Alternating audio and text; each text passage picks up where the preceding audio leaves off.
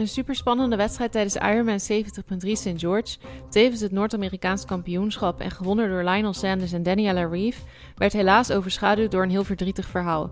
We hebben het over de mooie momenten van deze race en bespreken uiteraard ook de tragische start die de dag kenmerkte. Challenge Cancun trok afgelopen weekend ook een sterk deelnemersveld aan. Uitgebreid bespreken we deze wedstrijd en we blikken alvast vooruit op aanstaand weekend. Dan staat Challenge Riccione op de planning. Sarissa de Vries is daar een van de grote favorieten. Nou Arjan, er werd weer uh, flink geraced dit weekend. En uh, ook echt wedstrijden die leuk waren om te kijken. Of nou, met name Ironman 70.3 St. George was uh, echt een hele toffe wedstrijd om te zien. ik weet niet, heb je gekeken? Ik heb achteraf gekeken, laat ik het zo zeggen. Ik, okay. Ik heb laatst de, de livestream in stukken wel versneld doorgespoeld. en ik heb wat video's daarna nog gekeken die gepubliceerd werden. Ja, nou ja, dat was ook echt wel één belangrijkste moment in de wedstrijd. Het lopen, het einde bij de mannen. Wat natuurlijk, wat natuurlijk vooral belangrijk was om even te kijken. Want dat was super spannend. En dan was er verder nog Challenge Cancun dit weekend. Waar we het, zoals we in de intro zeiden, ook over gaan hebben. Maar ik denk dat het eerst goed is om uh, ook iets heel verdrietigs te noemen. Want tijdens Ironman 70.3 St. George... en tijdens de wedstrijd kregen we daar eigenlijk niks van mee. Maar um, die wedstrijd begon helemaal niet leuk. Doordat er een atleet is overleden tijdens het zwemonderdeel. Iets wat uh, eigenlijk pas later een beetje ja, duidelijk werd. Ja, heel verdrietig nieuws. Wat zo'n dag dan toch echt wel een hele nare bijsmaak geeft. En ja, ook weer, eigenlijk weer zo'n verhaal. Je hoort het toch best nog wel vaak dan eigenlijk, hè? Ja, ik uh, werd er achteraf stil van inderdaad. Ik las het inderdaad volgens mij twee dagen daarna. Mm -hmm. En ja, dan ben je toch, ja, het maakt toch wel, en nu het ook erover begint, krijg je toch kippenvel ervan. Ja. Het is, ja, ik... Een naar gevoel gewoon. Dat, dat is zo'n wedstrijd. Ja. ja. en het is ook zo raar. Het gaat natuurlijk allemaal dan wel gewoon door. Wat ook ja, aan de andere kant misschien normaal is dat het natuurlijk doorgaat. Want je kan ook niet al die mensen dat je het helemaal stillegt. Maar het is het is zoiets, uh, ja, het geeft wel echt een hele nare sfeer er ook bij. En, ja, het, eh, ge het, het, geeft een hele rare schaduw over de wedstrijd. En het is gewoon echt heftig dat, uh, dat dit soort dingen gebeuren. En ja. ja, alle, ja. Want dan is het ook de vraag van, gebeurt het nou eigenlijk dan vaak? Want je hoort het toch wel regelmatig. En aan de andere kant denk ik, ja, misschien is het natuurlijk, hoort het er ook weer bij. Omdat het, ja, er doen zoveel mensen mee. En het is best ook een extreme sport natuurlijk. Dus misschien ja, is het ook enigszins, ja, normaal is, raar, is raar om te zeggen, maar ja, toch is het dan heftig. Ja het is gewoon heftig. Hè? Je weet niet wat er, het kan van alles zijn. Hè? Dat, dat hoeft mhm. niet eens, want uh, je, ik las de reacties onder van ja, weet je, je ziet ook steeds minder mensen die niet kunnen zwemmen, maar dat, dat hoeft helemaal niet daarmee te maken te Het kan van alles zijn en dat weten we niet en daar moeten we ook niet naar gaan gissen. Het is gewoon heel spijtig dat het gebeurt. En, ja laten we hopen dat het niet te vaak gebeurt. Want het, is, uh, nee, zeker, ja, het zijn geen leuke berichten. Nee, het is in dit geval dus inderdaad helemaal niet duidelijk wat, er ook, uh, wat, wat de reden is geweest.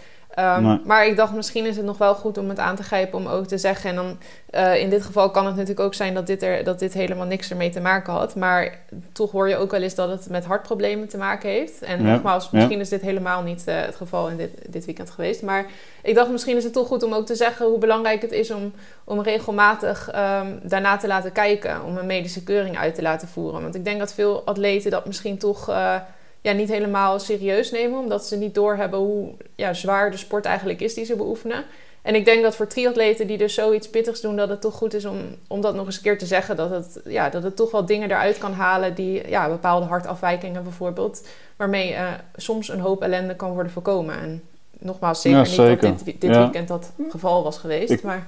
Nou, ik zie het steeds ook wel op, op, op social media voorbij komen. Dat atleten, en dan hebben we het echt over ervaren atleten, dan hartritmestoornissen hebben of mhm. wat dan ook. Ja, en dat weet je, uh, het is gewoon goed om dat regelmatig te laten controleren. En uh, inderdaad, wat jij zegt, zo'n uh, sporttest of zo'n hartfilmpje te laten maken één keer in de mhm. zoveel tijd. En we weten het niet of dat de oorzaak is, maar dit kan beter gedaan worden dan dat je. achteraf erachter komt dat het te laat is. Dus, ja, ja, nee, ik denk, laten we dat toch eens zeggen. Dat voor mensen die daar nog nooit echt over na hebben gedacht, dat het ja, dat het goed kan zijn om dat, uh, om dat zo af en toe eens een keertje te laten nakijken. Gewoon voor de zekerheid.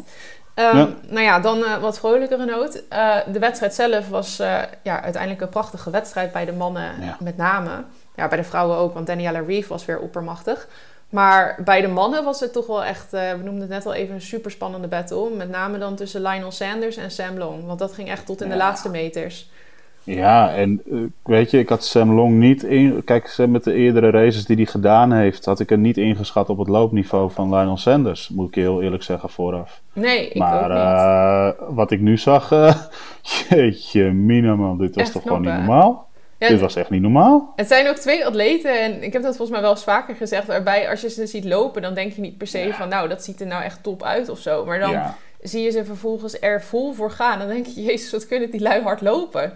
En het zijn allebei ook wel atleten, daar hebben we het de afgelopen weken wel vaker over gehad, die gewoon echt dood kunnen gaan. Hè? Ja. Die gewoon niet één keer dood kunnen gaan, maar wel tien keer dood kunnen gaan. Ja. Tijdens, oh, dit is misschien een hele foute woordkeuze die ik Oh, nu ja. maak over wat we net hebben ge- gezegd. Eh, excuses daarvoor. Maar die zo diep kunnen gaan dat ze eh, wel, wel echt wel eh, tien keer waar iedereen, ja, tot het gaatje waar iedereen zou afhaken of al zou zeggen, nou ik kan niet meer, gaan in, Mm. het- kunnen die nog een extra tempo erop leggen. En ik zag dat interview achteraf van Lionel Sanders, dat hij nog nooit zo diep eh, heeft moeten gaan. En dat heeft hij al vaker gezegd in wedstrijden. Want Hij ik weet ook nog wel een, verder misschien. ja, ik weet ook nog wel een wedstrijd dat hij liep eh, de championship tegen Kienle. Mm. En dat was ook zo'n wedstrijd dat ze elkaar alleen maar zaten op te jutten en eh, op te jagen. En steeds, ik wil niet laten kennen dat, dat ik er doorheen zit, dus ik doe nog even een versnelling erbij. En dat Mhm. was nu ook weer zo'n wedstrijd. Dat Lionel Sanders gewoon ja, bleef gaan en Sam Long ook bleef gaan. Ja. Ik, geen woorden voor, het Nee, was, echt, echt echt leuk. bizar. Ik zag ook mensen reageren van eh, wanneer long distance racing een soort van short distance racing wordt. Dat het gewoon, omdat het ja, zo spannend was. Normaal heb je dat meestal natuurlijk niet echt op, eh, op de halve afstand. Nou ja, op de halve nog eerder, op de hele al helemaal niet echt. Maar dit was Ja. gewoon echt op het puntje van je stoel zitten en afvragen wie het uiteindelijk ging doen. Maar die, Ja, maar ik denk wel dat dit, dit het nieuwe... ehm, ja, dit gaat er Ja, meer bij ik zeggen? Eh, Dit het nieuwe 70.3, een halve triathlon race gaat worden. Omdat, ja, ook dat hebben we veel gezegd.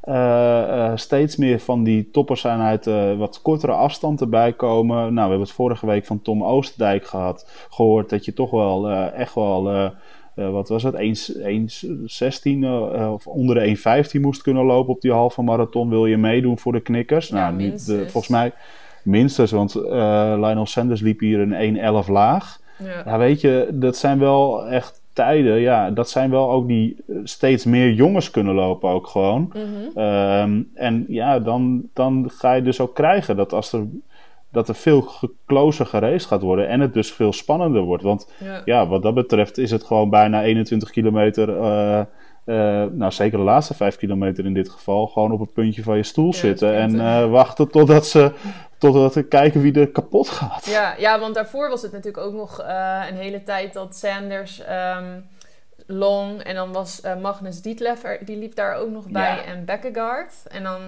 ja, die liepen dus echt met z'n vieren elkaar op te jutten.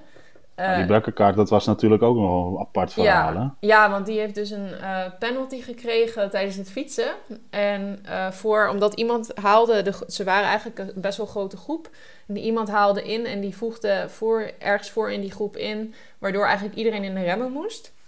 Maar zo Ja. snel konden mensen niet eh, ja, daarop reageren, waardoor ze even in de steerzone terechtkwamen. En nou ja, dan is dus de regel als je heel even in de steerzone terechtkomt, dat je direct eigenlijk... Want de enige reden om in die steerzone te komen is om in te halen. Dus dat betekent als je erin komt en de jury ziet het toevallig natuurlijk, al is het zo, ja, het is een regel, maar goed, stel de jury ziet het niet, dan knijp je in je rem en dan is het daarna goed. Maar blijkbaar was de jury er. Dus dat betekende dat hij direct moest gaan inhalen. Dat deed hij niet. Eh, waardoor hij dus een penalty kreeg. Ehm Ja. Beckegaard hebben we het dan dus over. En Die wilde hij bij T2 eh, uit gaan zitten. Maar daar kreeg hij te horen in de penalty tent dat hij... Ja, daar waren ze niet op de hoogte van zijn penalty.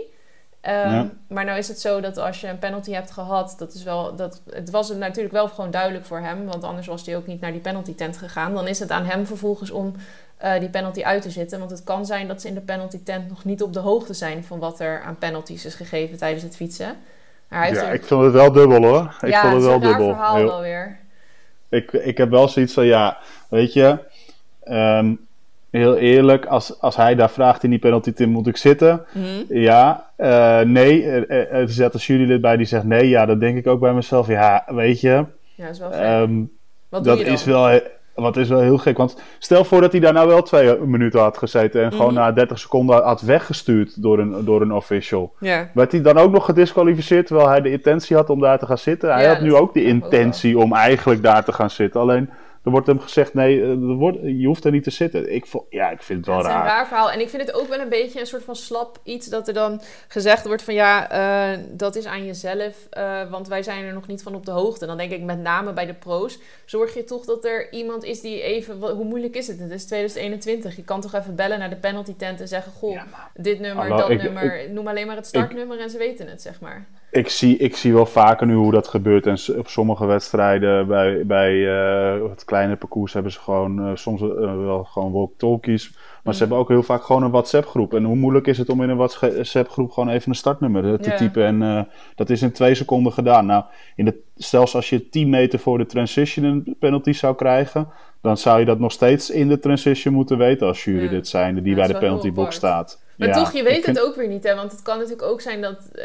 we kennen nu het verhaal vanuit Beckegaard. Het kan natuurlijk ook zijn dat hij het gewoon echt niet eens was met die penalty... en in eerste instantie dacht van... Uh, ik ben boos, ik ga gewoon het parcours bestormen.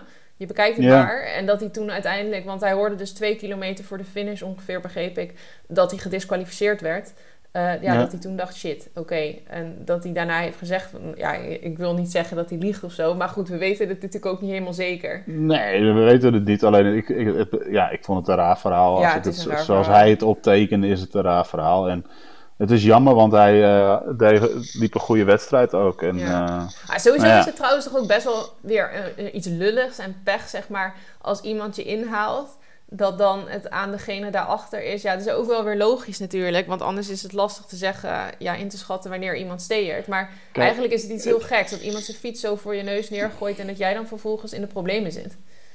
Nee, maar volgens mij heb je de regel, en ik weet hem niet exact. En als de juryleden luisteren, die weten het wel exact. En die mogen uh, altijd naar ons toe reageren. Maar je wordt ingehaald en dan heb je uh, dan mag diegene mag invoegen en dan moet jij, moet jij dat gat laten vallen ja. als je ingehaald bent. Dus in dit geval moest Berkenkaart het gat laten vallen. En dat kan niet in één seconde. Volgens mij mm -hmm. moet dat binnen vijf seconden moet je dat gat laten vallen. En dan, je moet gewoon opzichtig je benen stilhouden en het liefst even uit je beugel komen, zodat de jury ook ziet, oké, okay, die doet er iets aan om dat gat te laten vallen. Ja. Kijk, als jij, als jij ingehaald wordt en je blijft liggen in je beugel je blijft net zo hard doortrappen, ja, dan mm. lijkt het ook niet dat je dat gat laat vallen. Ja. Dus dan kan het wel eens zo. En als je dat ook 10 seconden bij wijze van spreken doet, ja, dan is het gewoon een soort van steden. Want het, de regel is, je wordt ingehaald en je moet dat gat zo snel mogelijk laten ja. vallen. Ja, dus, dus want nu werd het meer zo gebracht van ja, je moet per se dan gaan inhalen, maar dat is dus eigenlijk ook helemaal niet.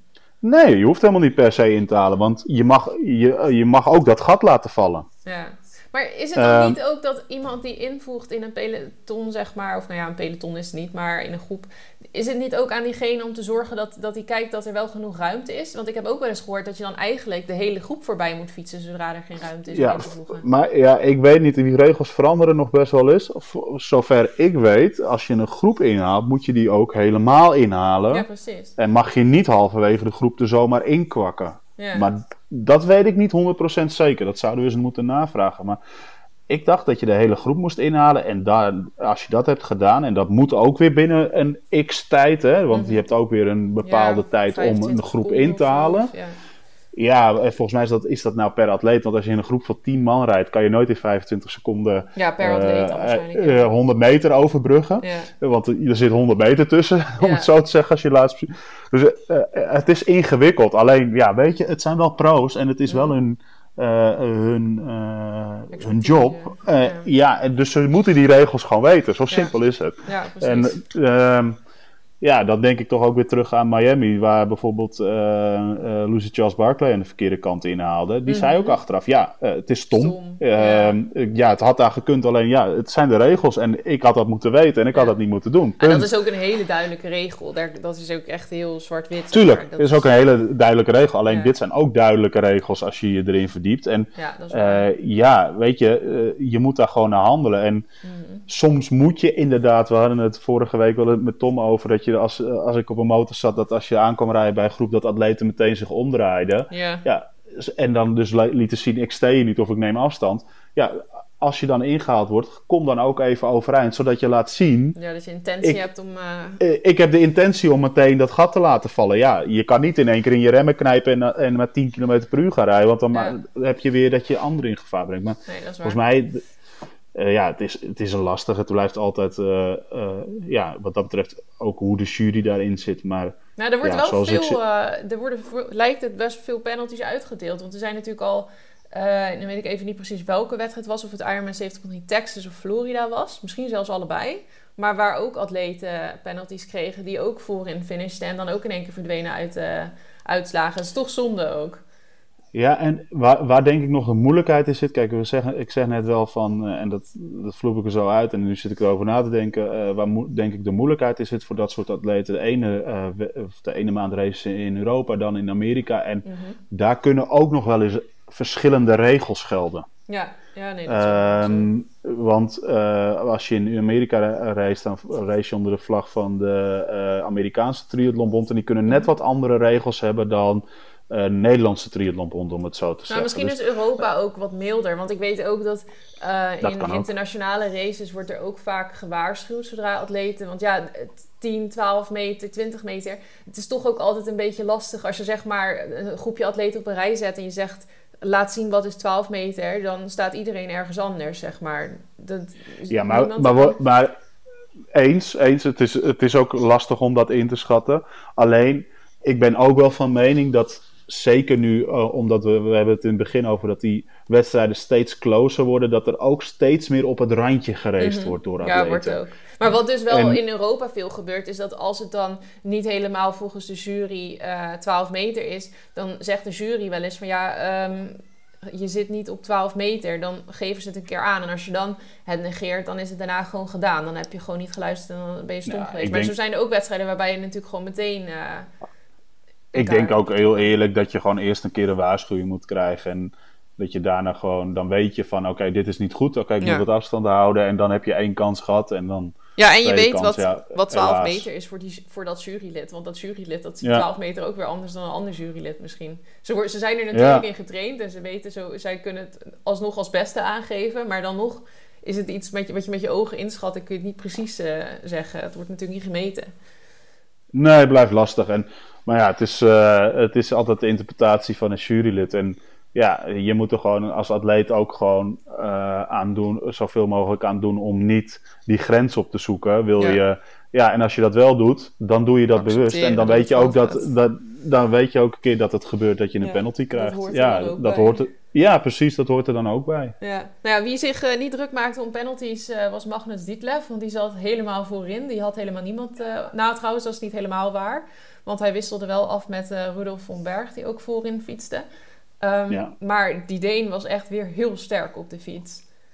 Ja, we weten het nu inmiddels. Hè. Als Dietlef aan de start staat, dan weten we dat hij ergens in het, aan de achterkant van het middenveld zeg maar, uit het water komt. Ja, uh, en dat hij dan halverwege het fietsonderdeel ongeveer de leiding gaat overnemen. Want ja. dat liet hij in Daytona 2020 al zien. Mm -hmm. In 2021 liet hij het weer zien. Ja hij kan gewoon stampen. Ja, hij is echt agressief op de fiets gewoon, zeg maar. Hij is echt, ja. hij gaat er vol voor. En, en, hij kan ook nog, hij schijnt ook nog best wel goed te kunnen, kunnen lopen. Alleen mm -hmm. zoals nu, dat niveau van Sanders en, en dan uh, Sam Long was net te hoog. Ja, maar hij Alleen ik denk mee nu.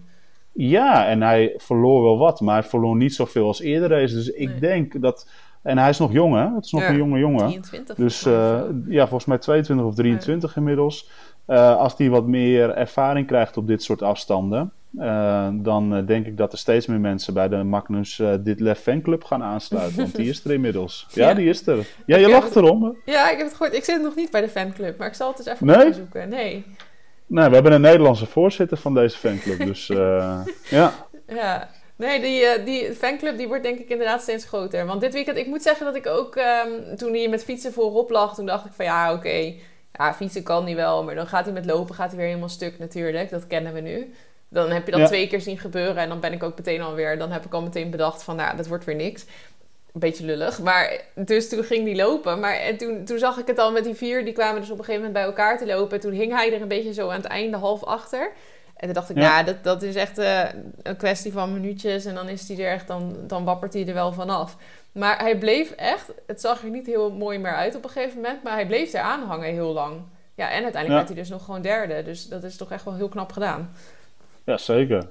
En voor degenen die lid willen worden, google even of ga even naar Facebook, Magnus Didle Fanclub, dan vind je hem. Er zijn inmiddels acht leden. Dus, Zo, ja. dat gaat hard. Ja.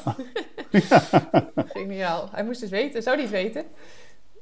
volgens mij weet hij het inmiddels. Ja, ja. Oh, lachen. Ja. Nou, bij de dames was het, was het eigenlijk wat minder spannend dit weekend in St. George. Trouwens, tevens Noord-Amerikaans kampioenschap. Ik weet niet of ik dat ergens een keer genoemd heb. Maar vandaar ook wel echt een sterk bezette wedstrijd natuurlijk. Uh, en vandaar misschien ook dat Daniela Reeve naar de wedstrijd toetrok. Die, uh, ja, die was echt totaal weer gewoon Daniela Reeve, zeg maar. Die was op de fiets al heel hard aan het hameren. En tijdens het lopen... Nou, het werd nog heel even een klein beetje spannend. Toen met het begin van het lopen Janie Metzler, de Zuid-Afrikaanse... Die, uh, die liep wel heel hard weg na de tweede wissel toen leek het er nog op dat als je ging rekenen, zou eigenlijk Danielle Reeve uh, net voor de finish nog wel gepakt worden. Volgens mij liep ze een halve minuut per maal harder. Even uit mijn hoofd. Maar dat uiteindelijk zakte dat ook wel weer terug. Dus toen uh, ging Danielle Reeve toch vrij uit. En ik weet niet hoeveel er uiteindelijk voor zat, uh, tussen hun nog zat. Maar volgens mij was het... 4,5 minuut. Ja, 4,5. Ja. Dus nog steeds echt een dikke overwinning. En ja. Nou ja, Zeker. we hadden vorige week ook een interview gedeeld uh, van Daniela Reeve met een Zwitsers blad. Ja. Um, waarin ze vertelde ge, ja, gesplit te zijn met haar coach Brad Sutton, die haar natuurlijk hele lange tijd Ja, dat verbaasde me echt wel. Ja, ja, ik denk dat ze dus toch gewoon even een keer dacht, ik moet iets anders hebben of zo. Ja, ik, ja. ik, weet je, ik, zij, zij was zeg maar, nou ja, zolang ik, sinds zij goed is geworden, is, is zij onder de vleugels van Sutton. Hè? Mm -hmm. uh, en, uh, maar ja, ze had een heel openhartig interview inderdaad. En uh, ze kiest een andere weg. Ja. En uh, ik ben benieuwd wat het er gaat opleveren. Ja, het is wel echt een mooi verhaal om ook even te lezen. Via onze website triathlon.nl kun je er wel achter komen. We hebben er een stukje ja. uit gedeeld, maar het hele interview staat daar ook gelinkt. Uh, het is wel uh, ja, een heel eerlijk en mooi verhaal. Waarin ze ook vertelt ja. dat ze het vorig jaar wel moeilijk heeft gehad met die... Ze is geblesseerd geweest en ja, die coronaperiode heeft er bij haar ook wel in gehakt. Ik denk dat het misschien ook niet heeft geholpen dat het WK op Hawaii daarvoor niet goed ging. Nee. Dat, ze, dat ze toch wel een moeilijke tijd heeft gehad en daarachter kwam ja, dat sport... Als dat dan echt je nummer één is in je leven en in één keer ligt alles stil en je bent geblesseerd... dan is dat natuurlijk mentaal ook wel een klap. Zeker, ja. Ja, ik, uh, nou ja, ik het, het, absoluut het lezen waard. En uh, ik ben wel benieuwd wat het voor de gaat doen. Ja, nou, voor uh, Rief. Ja, het ging nu wel goed. Alleen als ik dan gewoon wat dieper in de resultaten dook, dan zie ik -hmm. wel dat ze bijvoorbeeld gewoon op. ja, ik kende de heel eerlijk gezegd niet Janine Metzler. Misschien jij wel, omdat je wat meer in Zuid-Afrika mm -hmm. vertoeft. Ja, het is wel een goede atlete. Ja, ja je wordt niet voor niks het tweede voor Emma Pellant, voor Paula Findlay en ja, Sky Moon. Zo simpel is, ook, het ook. Ook een goede. Ja, weet, ja, maar ze liep drie minuten harder dan Danielle Rieve. Mm -hmm. Ja, ja, zij is... 1,19. Ja. en, en Danielle Rieve 1,22. En dan denk ik wel van ja, dat is wel echt wel... Uh, uh, dat zijn wel, het is niet, niet een paar, het is gewoon drie minuten wat er ja. wel harder gelopen werd dan. Dus, ja, en Danielle ja. Reeve is ook wel eens van de echt hele dikke overwinning. En dan is eigenlijk 4,5 ja. minu minuut nog steeds een dikke overwinning. Maar goed, als je Danielle Reeve kent, die doet er... Eigenlijk voor, precies, voor eigenlijk voor Danielle zijn het kleine overwinningen dit. Ja, nou ja, ik vraag me ook af of zij dan... Ze, ze was wel enthousiast over de wedstrijd als ik zo haar Instagram maar, bericht zag. Maar misschien dat ze ergens zelf ook nog wel denkt van er moet hier en daar nog wat... Uh... Maar ja, goed, maar het ik denk dat het voor de, Dani ja, ik denk voor Danielle ook wel geldt. Kijk, als je het interview gelezen hebt en het begin van het seizoen toch weer en, eh, naast blessures toch wel weer kijken waar je moet staan.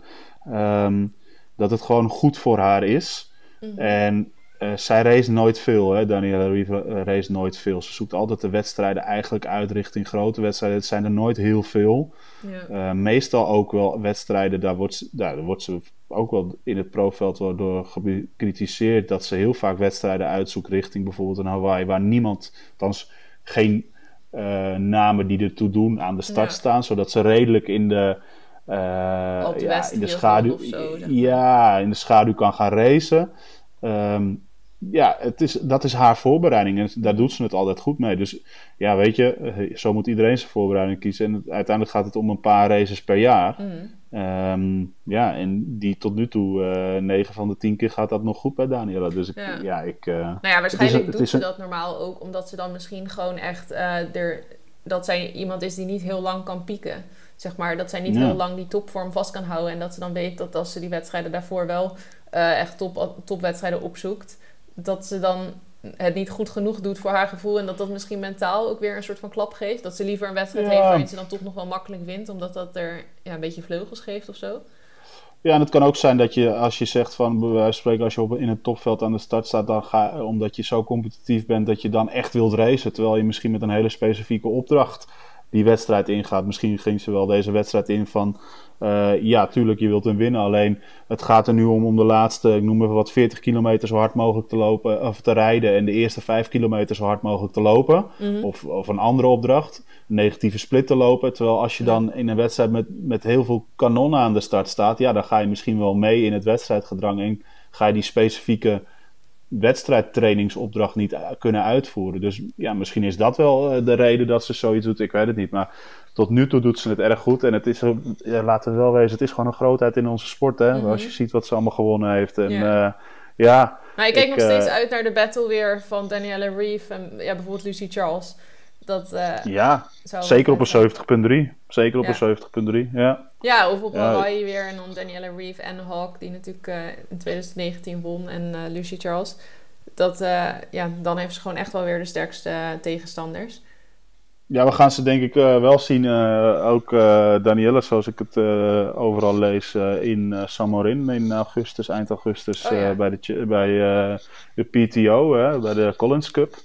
Um, ja, dus ik, ik, hoop daar dat wel een mooie race zien. En dan zit overigens Daniela zit in hetzelfde team als Lucy Charles. Dus dan racen ze niet rechtstreeks tegen elkaar.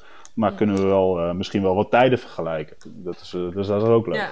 ja, want dat wordt natuurlijk ook het idee. Dat dat gewoon echt heel goed in beeld wordt gebracht met wattages en tussenstanden en dingen. Ja, ja. En als ik nu allemaal lees wat voor PTO, wat voor partners ze allemaal onboord uh, momenteel uh, hebben dan, uh, en steeds meer krijgen, dan ben ik heel erg benieuwd naar die uitzending. Oh ja, oh, tof. Nou ja, het wordt sowieso alweer steeds beter te volgen, triathlon. Er zitten af en toe nog wedstrijden bij waarbij het gewoon, ja, waarbij... je kunt natuurlijk ook niet iedere wedstrijd heel groot in beeld brengen. Maar laten we heel eerlijk zijn, we hebben natuurlijk ook echt commentaar gehad afgelopen keren op uh, Ironman met, die in met het in beeld brengen van de wedstrijden dat het echt ruk was. Uh, in St. George hadden ze het gewoon oké voor elkaar. Het was gewoon goed. Nee, het was uh, goed. Kijk, tuurlijk Tuurlijk kan het altijd beter, alleen dit was gewoon zoals we het willen zien eigenlijk gewoon voor elke challenge, voor elke mm Ironman. Alleen het is gewoon niet mogelijk. Dat moeten we ook gewoon met z'n allen beseffen, weet je. Dit kost gewoon best wel wat geld om dit zo neer te zetten. Maar voor wat we in triathlon uh, gewend zijn, zeg maar, want het was heus niet perfect natuurlijk, maar voor wat we dan gewend zijn, was dit gewoon echt wel goed in beeld gebracht met... Nou, zeker na de afgelopen Ironman races, waar we bijna niks zagen, waar het live mhm. tracken 9 van de 10 keer niet werkte. Ehm, was dit goed. En dat, en dat was wel een hele verademing. Ik heb het dan niet live gezien, maar ik heb het dan wel teruggekeken. En ja, het was gewoon ook. Uh, commentaar is goed van Chris uh, Lieto, die er bijvoorbeeld bij zit. Mm ja, dat maakt het allemaal wel af. Ja. En dat, uh, dat is wel leuk. En ik hoop dat, uh, dat, we dit, dat het wel een beetje een nieuwe standaard wordt uh, in de triathlonwereld. Want ja. zo ga je ook publiciteit genereren uiteindelijk. Ja, maar ja, je ziet ook dat, zoals in Challenge Gran Canaria, was natuurlijk ook het best gedaan, hun best gedaan om een live coverage te regelen. Maar als we dan heel eerlijk zijn, was het daar natuurlijk ook uiteindelijk niet echt heel goed gelukt om die wedstrijd nog heel goed in beeld te brengen. Nee. Dat kunnen we ook nee, niet dat, dat, dat, Nee, dat was ook niet goed. Uh, daar moeten we ook gewoon eerlijk in zijn. En dat had allerlei redenen die ik dan achteraf gehoord heb. Maar ja, waar het grote publiek uiteindelijk niks aan heeft. Want die wil gewoon die wedstrijd ja, zien. Dat, ja. Zo simpel is dat. En we zagen gewoon heel weinig. En dat is gewoon jammer. En, mm -hmm. maar weet, ik weet op de achtergrond in ieder geval dat er bij uh, Challenge... en ook van horen zeggen bij Ironman... wel echt heel erg het best gedaan wordt om dit soort wedstrijden allemaal wel op een goede manier naar buiten te brengen. Alleen, het, ja, wat ik zeg, het, het kost eh, als organisatie om dit te doen, kost het echt best wel wat geld. Ja, maar het is al een heel uh, goed begin dat er aandacht aan wordt besteed en dat het, dat het ja, wordt geprobeerd, zeg maar. En dan, wordt het ook, dan gaat het ongetwijfeld gewoon ook steeds beter worden. Ja, en ja, en dat, laten, we dat, laten we dat vooral hopen. En dan uh, kunnen wij alleen maar meer genieten van uh, mooie races. Ja, precies. En dan was er dit weekend ook nog uh, Challenge Cancun in Mexico. Uh, Waar uh, Javier Gomez won. En een verrassende winnares bij de dames, een Argentijnse. Ja. Romina Palacio Balena, als ik het zo goed zeg. Die, ja. ja die, die eigenlijk ja, best wel last minute in één keer toch won. Omdat de hele tijd Anneke Jenkins aan kop ging. Um, maar die moest uitstappen tijdens het lopen vanwege een blessure. Terwijl ze, nou ja, volgens mij lag ze na de wissel, lag ze, had ze een minuut voorsprong na de tweede wissel. Dus het, het leek gewoon dat zij er met de winst van doorging. Maar ja, toen kwam in één keer, werd die wedstrijd toch in één keer heel anders tijdens het lopen nog.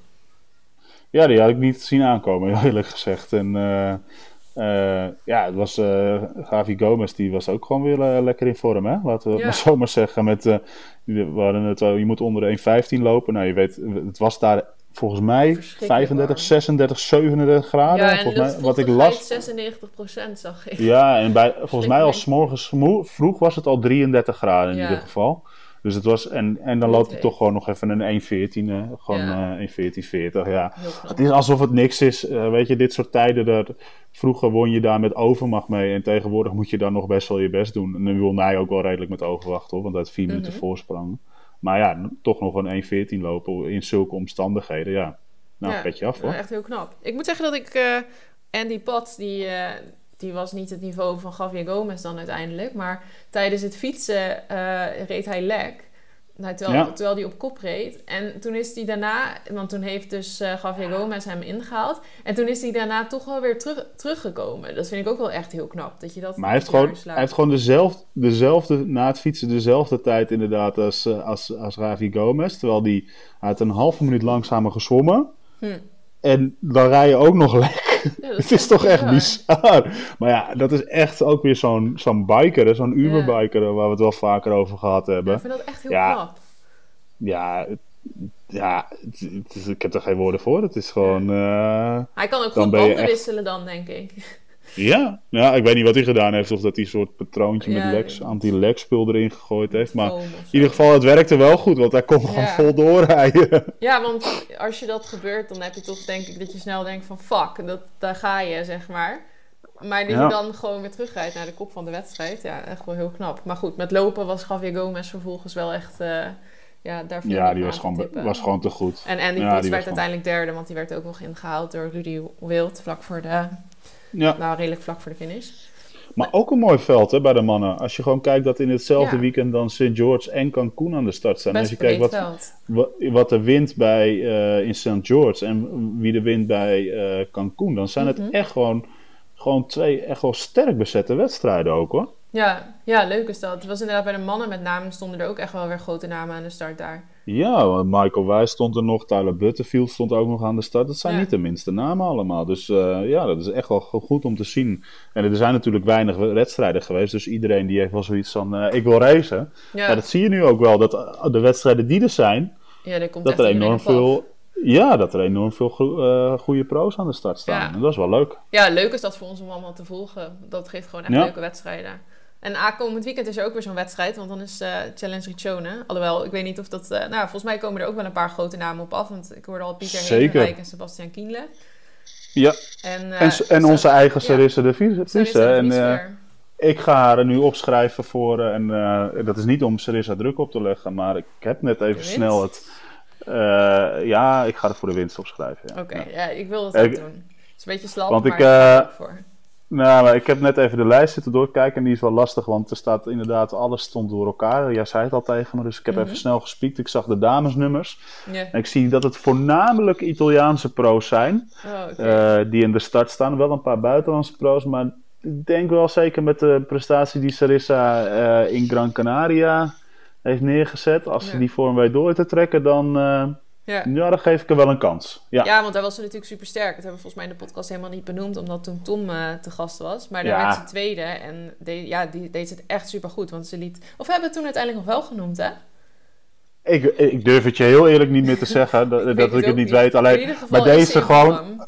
Ja, we gaan het gewoon rechtzetten met Sarissa. Want ja, we hadden vorige week natuurlijk gewoon een gast. En dat was Tom. En, maar ja, die, de, was, Sarissa was gewoon enorm sterk op Gran Canaria. De Challenge. Gran Canaria. Daar werd ze tweede. Eigenlijk had niemand het daar vooraf had, uh, niemand het over Sarissa. Uh, en ze liet toch eventjes gewoon zien dat ze daar, uh, daartussen hoort. Hè? Dat ze ja. tegenwoordig toch gewoon tussen de grote namen genoemd moet ja, worden. Ja, en naam als Lisa Noorden liet ze gewoon achter met lopen.